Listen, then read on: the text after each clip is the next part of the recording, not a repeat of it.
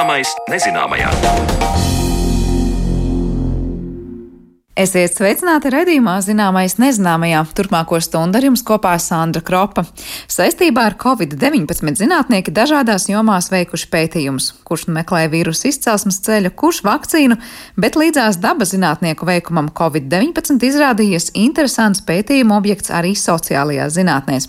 Ko par to interesanti ir noskaidrojuši Latvijas zinātnieki un ko par sabiedrību jaunu ļāvusi uzzināt šī pandēmija, runāsim raidījuma otrajā daļā. Līdz tam gan vēl vēl par kādu pētījumu jomu, kas nepamatoti maz nonākusi zinātnieku uzmanības lokā. Dizains var būt saistīts ar kaut ko estētiski skaistu, taču tas var sniegt arī praktisku un funkcionālu labumu. Dizains var radīt arī labvēlīgu sociālo-ekonomisko ietekmi, un tieši šie jautājumi Latvijā līdz šim tikuši pētīti maz. Kādu informāciju par dizaina pievienoto vērtību sniedz jauns pēcdoktorantūras pētījums, par to interesējās mana kolēģi Mariona Baltkalni.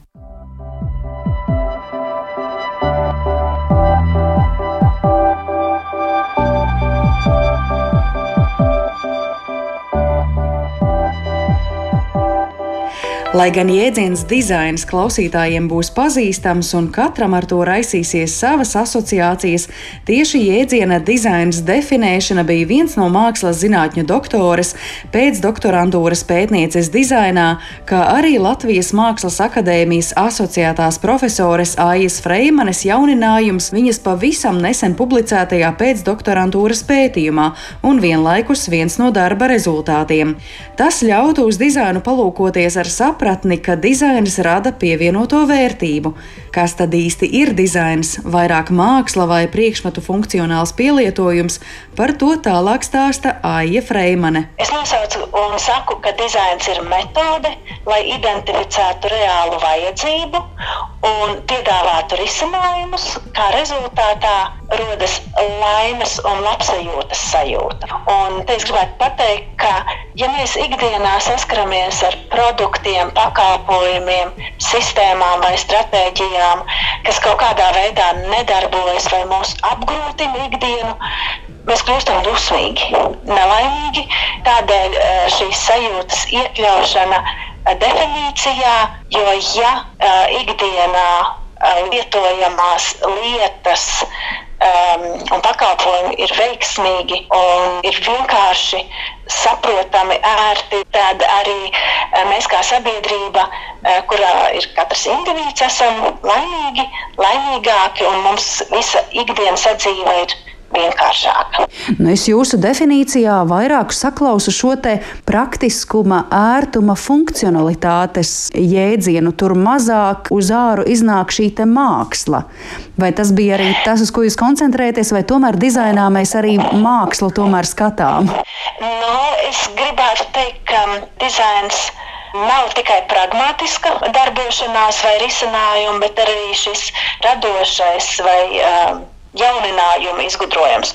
Un te nu, es neteiktu māksla, bet šīs starpdisciplinārais vai tāds jauns skatījums, radošuma vai mākslinieckā izpausme, kas ir tas eurekas brīdis, ir ļoti tuvu stāvošs. Un tā bija arī manā pētījumā. Labsajūta un funkcionalitātes jēdziens vēsturiski ir saistīts ar 19. gadsimta vidu, Džonu Stjuartu Millu un utilitārisma definēšanu ekonomikā, kas piedāvā maksimālas laimes, baudas, labuma izskaitļojumu pēc iespējas lielākam cilvēku skaitam. Tālāk jau 20. gadsimtā var raudzīties uz racionalizēšanu, konvejera un efektivitātes ieviešanu ražošanā. Īsi pirms 1919. gada nogales arhitekts Lūis Salivans pasaka, ka arhitektūrā forma seko funkcijai, bet ja vairāk runājam par dizainu, tad kā pirmās tiek definētas tieši ar utilitārismu saistītās dizaina vadlīnijas Lielbritānijā otrā pasaules kara kontekstā. Tādējādi dizains ietekmē mūsu dzīves stilu un paradumus, bet risinājumi top sekojot norisēm ārējā pasaulē, un pierādījums tam ir arī pašreizējā situācija situācija ar globālo pandēmiju. Neapšaubāmi dizains ir arī viena no kultūras un radošo industriju nozarēm, kas spēj celt labklājību. Par pētījumu turpina Aija Freimane. Paskatoties dizaina teorijā un zinātnē, kā vispār tiek pierādīta dizaina pievienotā vērtība skaidru kritēriju vai kādā veidā to var izmērīt, nav un nebija. Un, uh, tas arī bija tas mans pirmreizējais jautājums, kā tad tu varētu uh, pateikt, ka dizains pievieno vērtību. Tālāk es droši vien varu pastāstīt, kā tad es virzījos. Es sāku uh, meklēt šo informāciju uh, profesionālajā. Um, dizaina nozarē tieši nu, tur es eh, neko lāga sev noderīgu atbildēt uz jautājumu nevarēju atrast, izņemot viņu kā dizaina pašvērtējuma eh, matricas vai tādas eh, jautājuma atbilžu sērijas, uz kuriem atbildot uzņēmēji vai ražotāji var saprast, kaut kā nojaust, ka jā, es dizainu pielietoju, taču nekādu tādu ieguvumu no šīm anketām un dažādām sistēmām negūst. Un šī analīze un izpēte mani aizveda līdz tam, ka es izveidoju arī savu dizaina pašvērtējuma matricu, bet šajā gadījumā es identificēju jautājumus gan no dizaina pētniecības, gan no produktu pakalpojumu attīstības puses, kas varētu palīdzēt uzņēmējiem saprast, vai um, dizains vispār tiek domāts un kādā pakāpē. Piemēram, tas ir jautājums uzņēmumiem, vai ir veikta tirgus izpēte, vai ir analizētas konkrētas kultūras ietekmes, vai ir apskatīti lietotāju paradumi no etnogrāfiskās izpētes skatu punkta. Tālāk, balstoties britu sociologa Maika Savāža metodoloģijā par 21. gadsimta sociālo klašu sistēmu, Aija Freimane gatavojusi sava pētījuma kvalitatīvās intervijas un analizējusi piecas paudzes. Pētījumā netika skatīta zēja jaunākā paudze, jo tā vēl tikai ieiet darba tirgū. Taču kā nākotnes lietotāja šī grupa ir vērtīga, lai saprastu, kā produkti vai pakalpojumi būtu veidojami. Piemēram, tas pats pakalpojums izglītība arī ir pakalpojums. Un, um, kādā veidā man tas jautājumi, tas būtiskākais, kas deva kādas kvalitātes uh, lietām un, un pakalpojumiem uh, katram individuālam lietotājam sniedz šo ikdienā apmierinātību, laimes sajūtu, emocionālo pieķeršanos un kā katrs indivīds definē produktu vai pakalpojumu lietojamību. Es iekļāvu arī estētisko aspektu, taču tieši estētika bija tā, kas tika aprakstīta kā lietu funkcionalitāte. Ļoti daudz bija personīgi, tieši man noderīgi, manai vidē šis personīgam aspekts. Un, protams, ka skaistas eh, lietas, bet estētika ir vairāk skatāma kā individuāls tāds eh, kopums. Taču man ir jānosauc uzreiz jau, eh, kas tad ir tas būtiskākais. Un, tad no lietas vai produkti Latvijā mums kopumā ir svarīgi, ka rada ērtumu, ērtas lietas, ir noderīgas, estētiskas, ilgstošas, personīgas. Un uh, pēdējo aspektu, kas šajā globālajā pandēmijas kontekstā vairs nebija nevis pēdējais, bet patiesībā viens no būtiskākajiem ir drošs lietu un produktu drošības kvalitāte. Ērts, noderīgs, estētisks, ilgstošs, personīgs un drošs ir tās īpašības, kuras es ieteiktu ikvienam ražotājam vai uzņēmējam, ja attīsta produktus, ņemt vērā, ko cilvēki Latvijā novērtē. Un no pakalpojumiem savukārt ir saprotams pakalpojums, pieejams. Pieejams nozīmē gan um, pieejams fiziski, saturiski, gan arī finansiāli. Uztverams, pieredzams, ka mēs spējam pieredzēt un mēs varam to izdarīt. Protams, aktuāls ir saulēcīgs un arī drošs. Arī izstrādājot pakalpojumu šādi kritēriji ir jāņem vērā. Jā, jā. Un kopumā visi cilvēki, visas paudzes šos uh, parametrus vai kvalitātes novērtēja kā būtiskas. Vissvarīgākais ir lietu un pakalpojumu kvalitāte un profesionalitāte. Šie ir divi aspekti, ko minēja visi.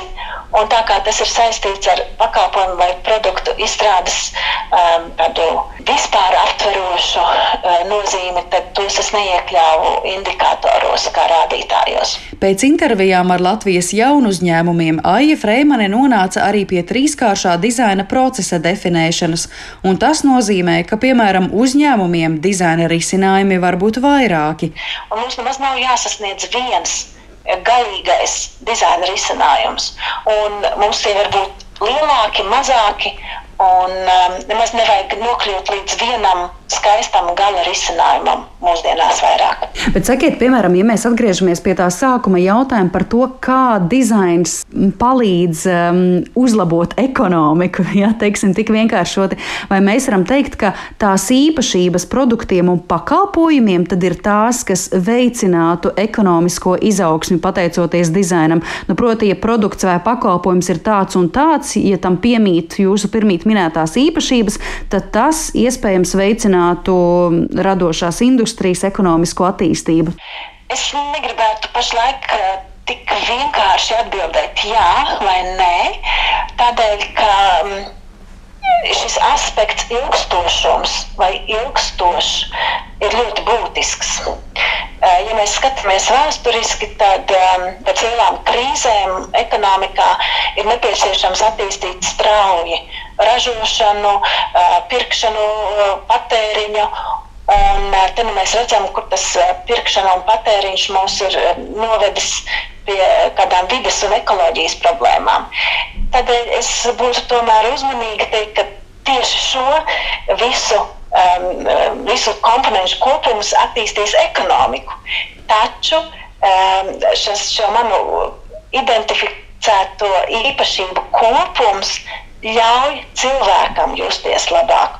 Un es gribētu uzsvērt šo cilvēku centrēto pieeju ne tikai dizainā, bet iespējams, kā arī jau ekonomikā ir jāskatās uz šo cilvēku centrēto pieeju, kas tad ir noderīgs.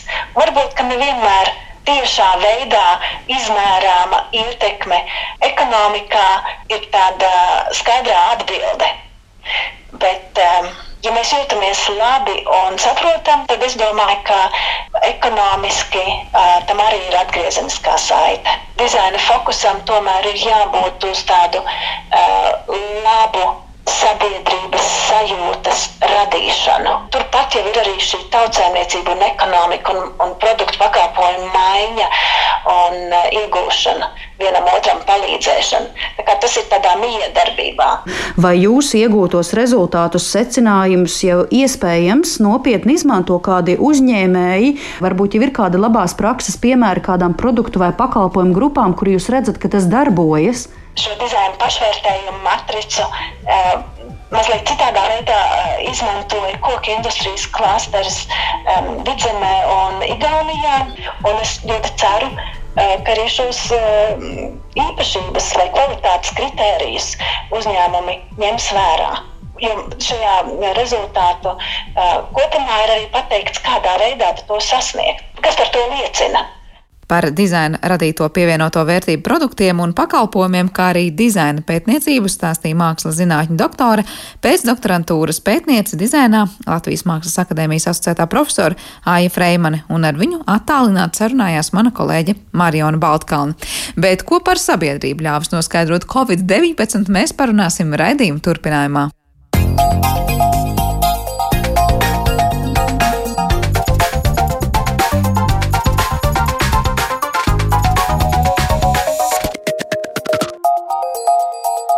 Zināmais nezināmajā.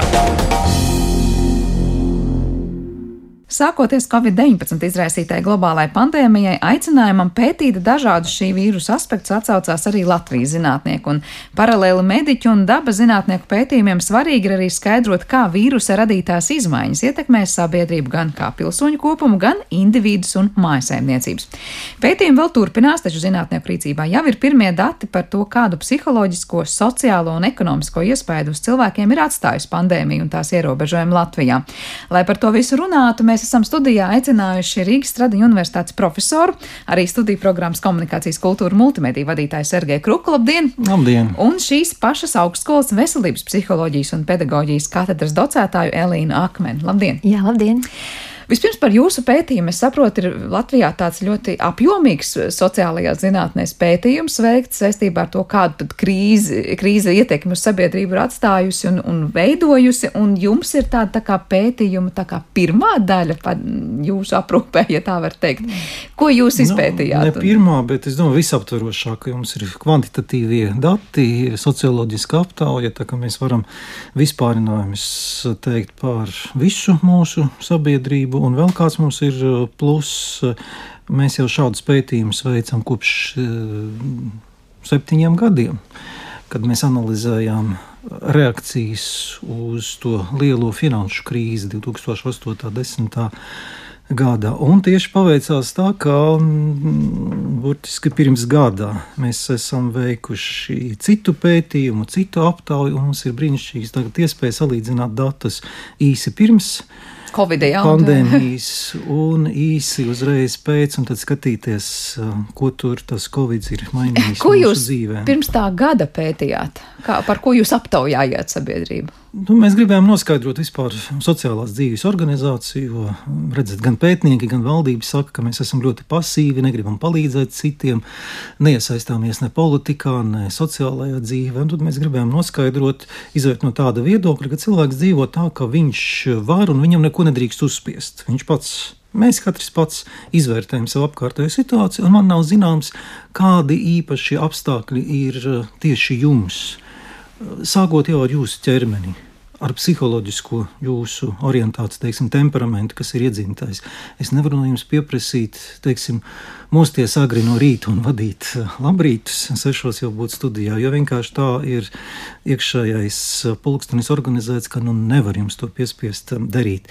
Un tāpēc mēs skatījāmies, gribējām noskaidrot arī mm, tos iemeslus, kāpēc cilvēki nav tik sociāli aktīvi Bet tas bija tieši uz sociālo aktivitāti. As, uh, um, akcents. Arī ekonomisku aktivitāti, mazais bizness, kāpēc cilvēki nodarbojas, nenodarbojas ar mazo. Var teikt, visu par sabiedrību gribējāt uzzināt? Ja? Nu, visu ne, bet mums ir komandā ir psiholoģi, ekonomisti, sociologi un komunikāciju pētnieki, tā mēs gribējām tā starp disciplīnām paskatīties un paskaidrot. Jums izdevās to, ko tikko jūs teicāt, pirms gada skatīties ar precīzi tiem pašiem jautājumiem šobrīd mērīt sabiedrībā? Vai... Nē, drusku arī citi jautājumi, jo tagad uh, valdība, kas ir apmaksā šo pētījumu, pieprasīja arī, arī valdību interesējošos jautājumus iekļaut. Jaunas īpatnības parādījās, teiksim, darba organizācijā, par ko Elīna tūlīt arī runās, bet daudzi jautājumi ir tie paši. Nu, teiksim, uzreiz varu pateikt, ka salīdzinot ar 13. gada aptauju, tad, tad finanšu krīzes novērtējums, šo krīzi esam pārvarējuši diezgan viegli. Jā, 13. gadā pateica, 28% cilvēku pateica, ka visu dzīvi mainīja šī finanšu krīze, tad tagad tikai 5%, tad 28 un 5. Un tagad, kas pārsteidz cilvēku diezgan nu, tā vēsi, mierīgi, varbūt stoiski izturās. Man pat šķiet, ka viņi negrib tur ļoti negatīvi atbildēt uz šiem jautājumiem, kā nu, tāds nepārvaramie apstākļi. Force majeure ir noticis, nu, ko lai tu, nu, ļoti latviski. Bet tas, ko var? mēs pavasarī dzirdējām, kad bieži mēs mēģinājām sasaistīt šos notikumus kopā, tad, tad tā finanšu krīze, kas bija pirms vairākiem gadiem, un, un tas, kas notika šajā pavasarī. Nu, pēc tam jau daudz tīpaši finanšu nozars cilvēki teica, tā gluži nevar salīdzināt, jo, ja to laik tiešām naudas nebija, tad šobrīd tā nauda bija. Nu, nav tā, ka jā, bija, bija konkrēti uzņēmumi, kas varbūt beidz pastāvēt un darba vietas, kas pazūd, bet nebija tā sajūta, ka, nu, vispār valstī naudas nav var salīdzināt arī to cilvēku sajūtas, tad salīdzināt, ja pati situācija jau nebija. Nu, nauda identiska. ir viena lieta, tie ir instrumenti, kā pārvarēt problēmas, un mēs skatāmies šīs reakcijas. Tātad, vai tas ir tāpēc, ka bijusi nauda, vai tāpēc, ka cilvēkiem ir jau pieredze. Es arī domāju, ka jā, visas aptaujas parāda ārkārtīgi zemos uzticēšanās līmeņus valsts institūcijām, sociālajām institūcijām, kā 13 cilvēki mums saka, tā konstanti aptaujās, ka ne uz vienu nedrīkst paļauties mūsu valstī. Un, un cilvēki ļoti stipri mēs paļaujamies tikai uz ģimeni, uz tuvākajiem draugiem, ka lūk, viņi palīdzēs. Cik procenti jūs teicāt? 13 saka, ka nevienam nevar palīdzēt un paļaujas tikai uz, uz sevi, spēkiem, ja? uz ģimeni un nevis uz kaut kādu ārējo palīdzību. To nesagaida. Un es domāju, tas arī bija faktors uh, tam, kāpēc cilvēki tik uh, nu, mierīgi reaģē uz to. Ka mēs neko jau arī negaidījām, ka mēs zinām, ka būs baigās ķibeles un uz ko te nevar, uh, nevienam nevar uzticēties, jāpaļaujas tikai pašam uz sevi. Nu, tad tagad cilvēki iespējams arī novērtē paši sevi. Un es teiktu, ka sabiedrība ir, mums ir pateikšu tā arī, lai valdība dzird, normāli ir sabiedrība. ka cilvēki nav tādi, mm, kuri te prasa to, kas viņam nepienākās. Ļoti uh, vēsi kā teicu, stoiski ja, vērtē šo situāciju, un es domāju, ļoti lielā mērā tomēr jā, ar atbildību skatoties, uzveļot šo atbildību uz sevi. Un tiešām tie cilvēki, kuriem objektīvi nav veselības, ir objektīvi ļoti slikti resursi, tie saka, ka, jā, ka viņam vajadzētu palīdzību. Tādu daudz nav, bet pārsvarā cilvēki saka, ka galvu uz pleciem ir Tiksim darbu galā, atradīs, ja? tiks galā. Elīna, kāda jums vērtējumi? Es saprotu, jūs vairāk tieši to darba vidi skatieties, mm -hmm. kurš pētījuma lauks jūsu pārziņā. Jā. Jā, labdien, vēlreiz. Es tātad pētnieku grupai pievienojos tieši pētot šo te Covid dzīvi, un man nav datu, ar ko salīdzināt iepriekšējo, kādus iepriekšējos datus, bet tad ir šie jaunākie dati tieši par Covid dzīvi, un jā, es pētīju profesionālo jomu, Un tas, kas, tas, kas iezīmējās, principā, jā, tie nav nekādi ļoti kontrastaini uh, dati, bet nu, tādas tendences uh, var novērot. Un, uh, Bet runājot par profesionālo jomu, noteikti jā, jāņem vērā viss šis kontakts, arī, kā arī profesors Kruks minēja, tāds emocionālais fons vai, vai, vai šie psiholoģiskie faktori, un tas, ar ko šis laiks vispār iezīmējās, ir tāds neskaidrība un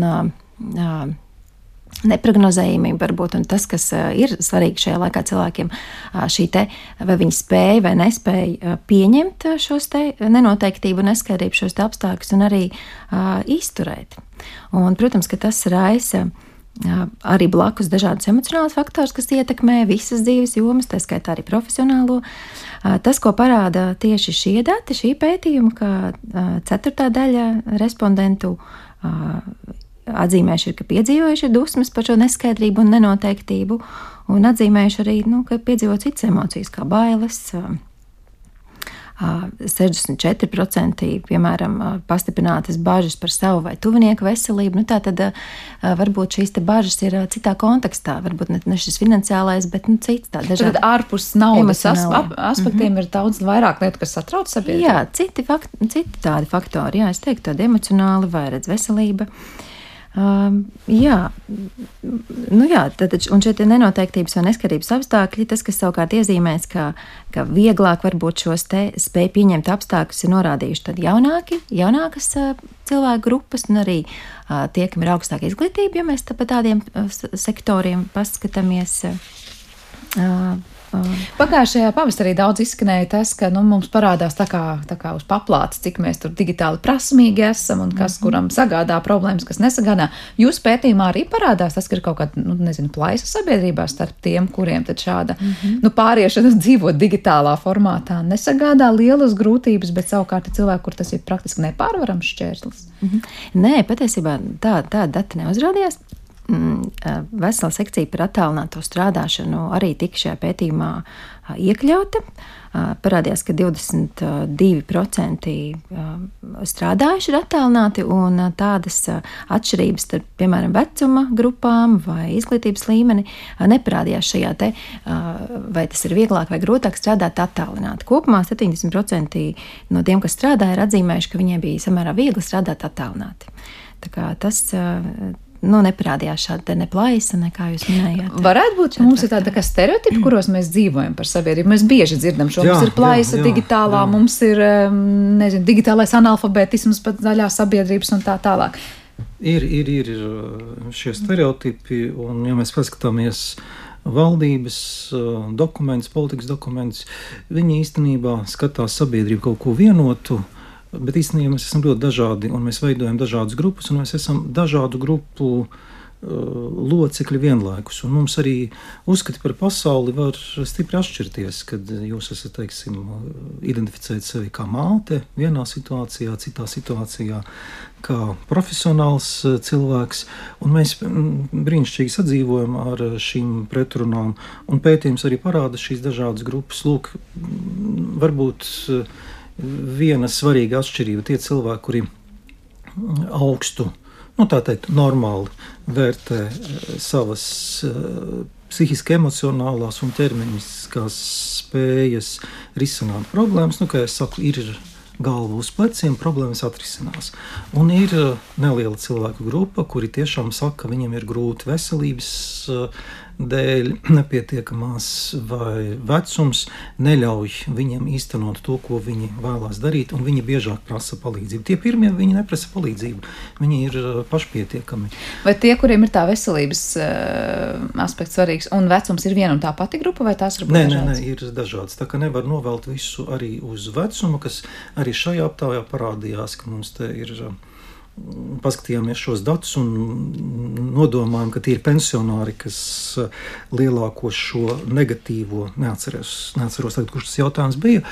Bet tad eh, paskatījāmies detalizētāk, nē, nebija tie nebija um, pensionāri.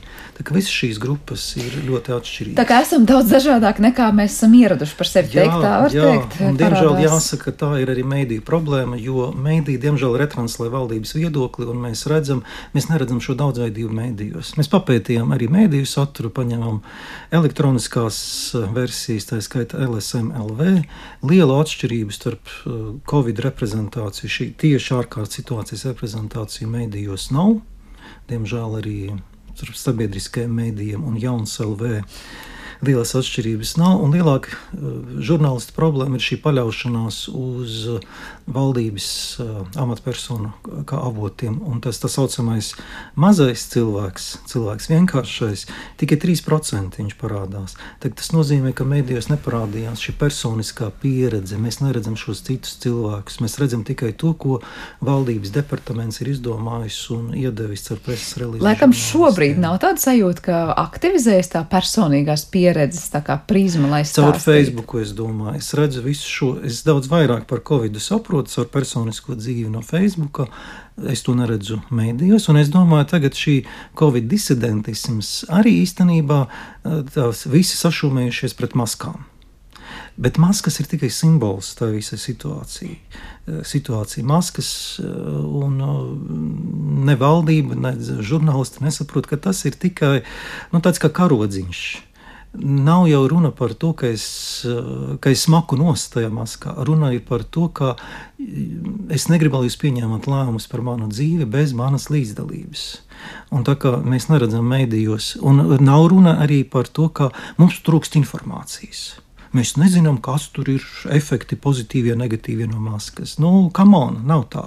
Ir tā, ka vienkārši dzirdiet arī manu pieredzi par citiem jautājumiem, manu ekonomisko pieredzi ar tiem dīkstāvas pabalstiem, ar konfliktiem darbā vai nekonfliktiem, lai es redzu tieši šajā ainā kopēji, lai es atpazītu sev līdzīgo pieredzi. Tas, par ko mēs runājam, ka sabiedrība ir ļoti daudzveidīga, un mums piedāvā tikai vienu skatījumu, kaut kādu caurmēra, vidusmēra. Vidēju aritmētisko.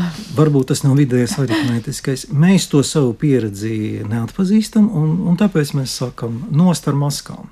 Bet tas nav, nenozīmē, ka noraut maskas no mutes, bet tas nozīmē, ka uh, valdībai vajadzētu tomēr uh, runāt kā ar vienlīdzīgajiem, un žurnālistam vajadzētu parādīt arī citas pieredzes. Elīna, es pieņemu, ka jums ir par veselības pusi daudz ko un komunikāciju arī teikt. Kā jūs komentējat to, kas parādās pētījumā par to, ka nav vai ir tā personīgā pieredze pietiekoši dažādot? Nu, tas, ko profesors Kruks tikko minēja, tas, kas man ienāca prātā par šo sabiedrības dažādo arī reakcijām, dažādajām reakcijām, ja, tas, ko Facebookā daži pauž, un, un, un, un tā kā, nu, tādu atšķirīgu viedokli, kas ir no tā, ko mums stāstā, kā jau minējām, mēdījos, tad, tad arī jāņem vērā šis aspekts, šis te neskaidrība nenoteiktību, neprognozējumību, un, un tas cilvēkos arī rada trauksmi. Un tas, kā kurš šo trauksmi izrēģē vai izdzīvo, nu, tā, tad, tas ir katra paša jautājums, un tad liela daļa arī rīkojās.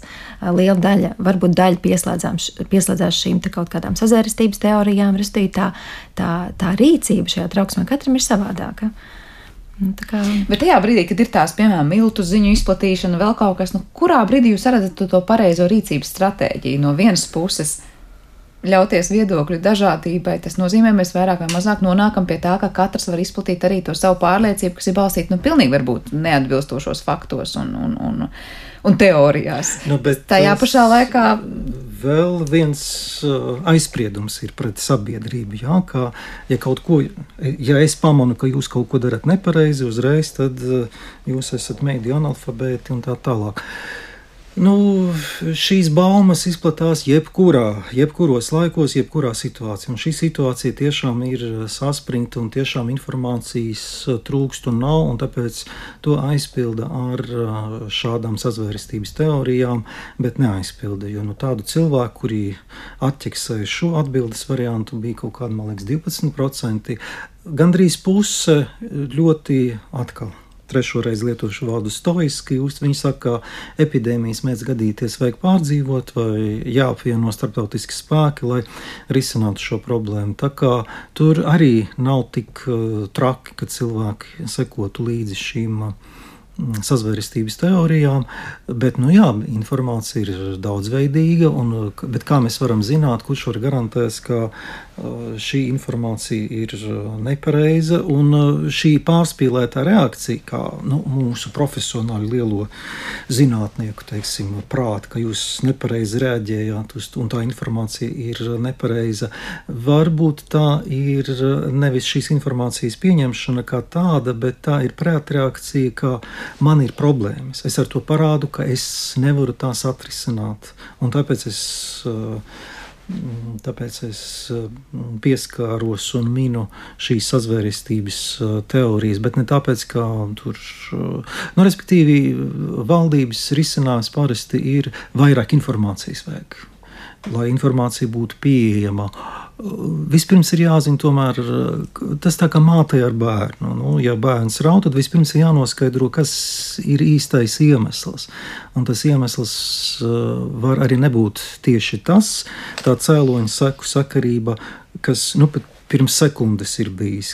Tieši tas varēs arī nebūt tas iemesls, kas novada līdz asaram. Tā kā mātei un mātes to prot izdarīt, valdība to neprot izdarīt. Visu nogāž uz informācijas trūkumu, bet valdība nezina īstenībā, kā mēs dzīvojam un cik daudzveidīgi mēs dzīvojam. Bet tas, ko jūs minējāt par to salīdzinoši maz procents, kas ir pateicis, ka viņi tam sazvērstības teorijām tic un viltu ziņām tic, es pareizi sapratu. Jā, man... Kā jūs varat nomērīt, ka cilvēks godīgi to pasaka tajā jūsu anketā? Nu, tāpēc es saku, ka mēs pētīsim, jā, mēs pētīsim vēl, un skat, jāskatās tagad kvalitatīvie dati intervijās, jānoskaidro, un cik godīgi tad mēs tos datus salīdzinām ar citām atbildēm un meklējam, vai, tur ir kaut kāda loģika, vai neizkrīt uh, no šīs loģikas. Nu, jā, mums vēl ir aizdomās, aizdomas, mums vēl ir tādas, ka varbūt tā uz ātru atbildējuši, lai tik atbildētu uz šo jautājumu, bet nu, paskatīsimies ar citām atbildēm. Ir Elīnai kaut kādas domas, ar ko to varētu salīdzināt. Nu, tā varbūt jā, jūs varat ilustrēt jā. klausītājiem, kā notiek tā pētījuma gaitā to atbilžu salīdzināšana, ka tas nav tā vienkārši, nu, es uz dulu atķeksēju un jūs to pieņēmāt kā faktu un tagad ar secinājumiem nācāt klajā. Mm. Kā strādā statistika? Nu, grūti pateikt. Nē, nu vienkārši runājot, tas uh, nozīmē, ka anketā ir uh, daudz jautājumu. Viens cilvēks atbild uz visiem šiem jautājumiem, un tad, tad uh, Nu, viens jautājums varētu būt, eh, vai jūs attaisnojat melošanu, un pēc kaut kādiem 15 jautājumiem, vai jūs kādreiz esat melojis. Nu, tad skatāmies, cik godīgi uh, atbild šīs cilvēks. Vesela zinātnē, anketu izveidot. Nu, tā ir tā statistika, jā, datu apstrādes metodas, un tur speciāli arī ceļš psiholoģijas testos ieliek tādus kontrolas jautājumus, lai noskaidrotu, vai nu, tāpat kā interneta aptaujās varbūt arī uh, redzējuši, lai izvairītos no tā, ka cilvēki vienkārši ātri atķeksē visu, ko ieliek jautājumu. krokodīļi ir sarkanā krāsā, pareizi vai nepareizi. Nu, pilnīgi stulbs jautājums, bet viņš parāda to, vai cilvēks uh, uzmanīgi izlasa jautājums, tāda ir tā funkcija. Jā, jūs piesaucāt par to cilvēku reakciju, arī par tām maskām runājot. Tagad, vai jūs pētījumā parādās tas, ka mēs runājam par sabiedrības nogurumu no tā visa šobrīd, un tas ir tas iemesls, kāpēc cilvēki daudz varbūt nu, tā vienkā, vienkāršāk, var stoiskāk pieiet tām situācijai kā tādai. Proti, ka liekas, ir iestājies nogurums, cik mēnešus mēs jau varam par to pašu, un ir grūti un ir ierobežoti. Tas ir kaut kāds aspekts, kas ir analizēts. Nu, es domāju, ka šobrīd grūti ir to tā izvērtēt, jo redziet, tas bija nostītas pirmais vilnis, un, un tad bija tās reakcijas ārkārtīgi dažādas. Bija tātad šie, kuri bija daudz pārmaiņu, bija tātad attālināts darbs. Uh, bija daļa sabiedrības, kas priecājās, ka beidzot var būt kopā ar ģimeni un izdarīt tās lietas, kuras līdz šim nevarēja. Tagad mēs esam nonākuši atkārtot pie šīs situācijas, un es domāju, ka cilvēkos vairs nav šīs eiforijas. Uh, nav uh, daudz mazāk varbūt saskat šos te, uh, pozitīvos aspektus, jo ir jau šī pieredze, piemēram, ar attālinātu mācīšanos, kas daudziem sākotnēji šķita jauki, pēc tam izrādījās ļoti izrādās grūti. Nu, tātad šis otrais vilnis droši vien parādīja iespējams arī citus rezultātus.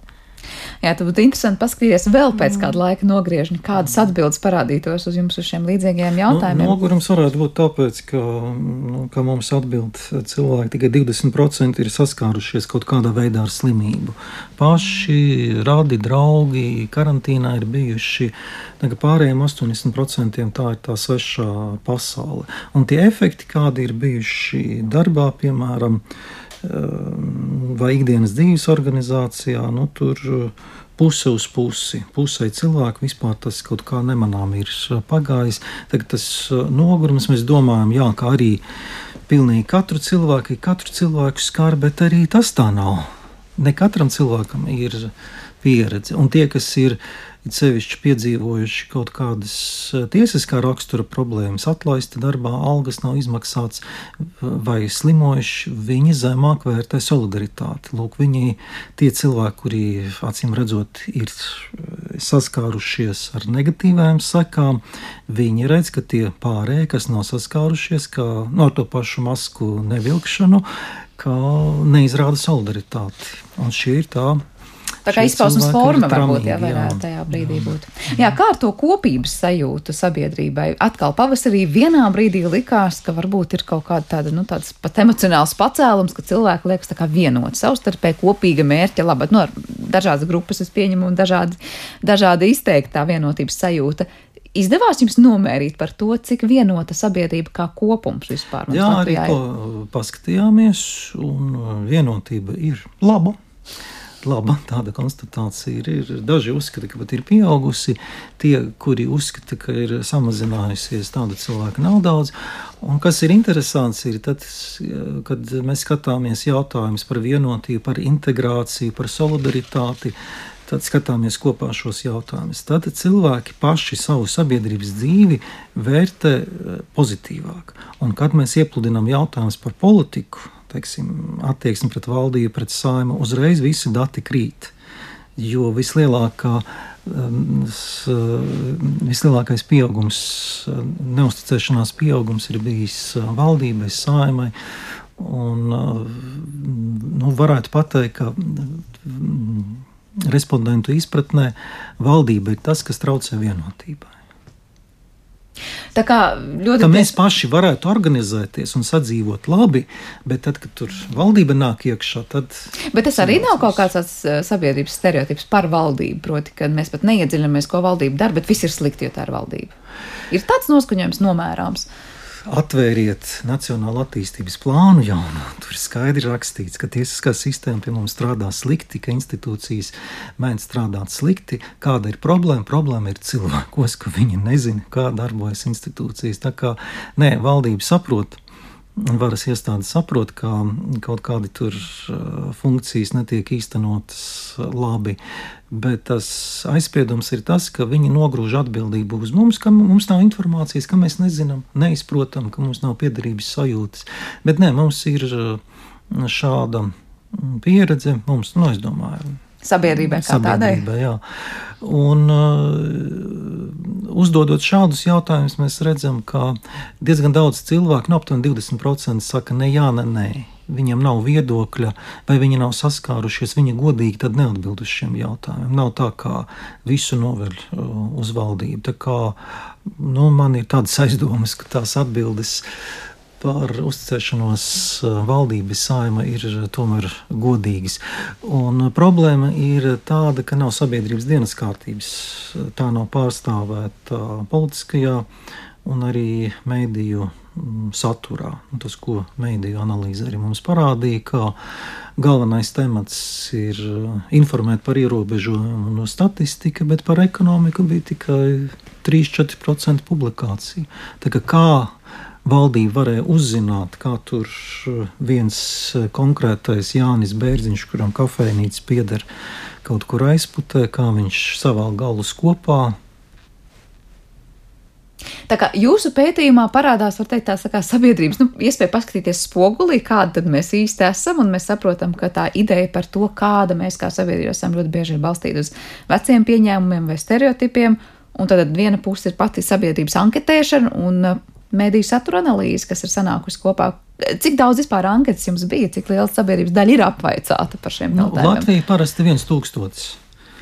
Tas tā saucamā reprezentatīva aptāja, tas nozīmē, ka reprezentē pārstāv noteikto sociālo slāņus. Ja sabiedrībā statistikas pārvalde ir saskaitījis, ir tik sieviešu un vīriešu, tad viņi proporcionāli būs pārstāvēti, proporcionāli tik daudz studentu, dažādu reģionu, Tā kā no visa, visa padruskai ir, ir salikts kopā.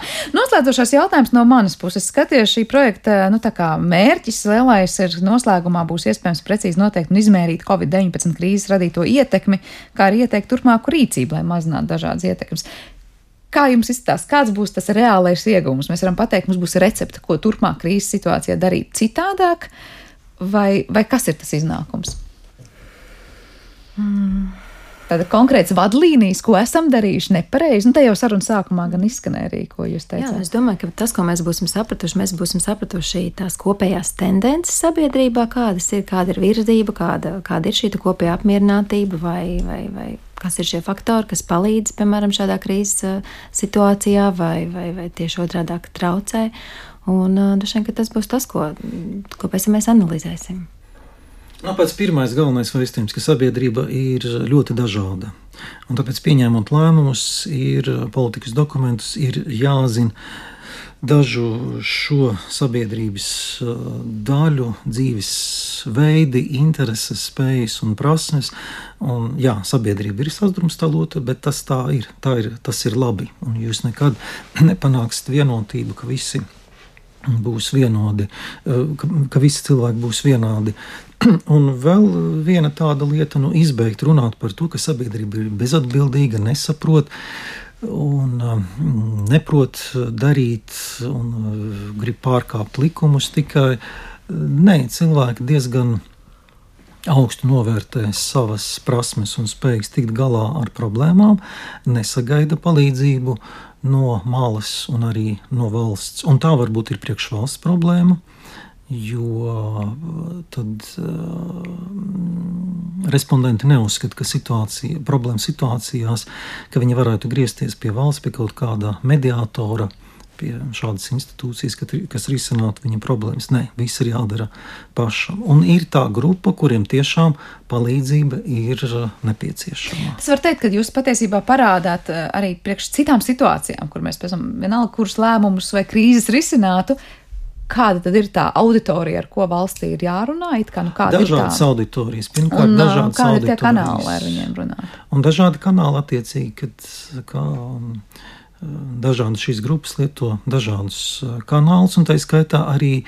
um, no mutes ausī tā ir komunikācija starp starp cilvēkiem. Viens izlasa avīzē un pastāsta citiem. Un noticis nav tā, kurš stāstīja pats, taču vai ne? Nevis to, ko rādīja kaut kur internetā. Es saprotu, vēl gala rezultāti būs, jo pētījums vēl nav noslēdzies. Esat tikai sākumā, ja? Šobrīd. Jā, mums vēl ir pāris mēneši priekšā. Tā kā dzirdēsim vēl droši vien arī par to, kāda ir tie gala rezultāti arī pēc dažiem mēnešiem. Teikšu jums lielu paldies par šo sarunu. Rīgas Tradiņu universitātes profesors Sergejs Kruks un šīs pašas augstskolas veselības psiholoģijas un pedagoģijas katedras docētē Elīna Akmeni šodien pie mums viesojās studijā. Un par šo raidījumu parūpējās producents Armīta Kolātē, mūzikas redaktors Girds Bišs, Kristīna Delbī, skaņu režijā un Sandra Kropa studijā. Lai mums visiem jauka diena un uz tikšanos!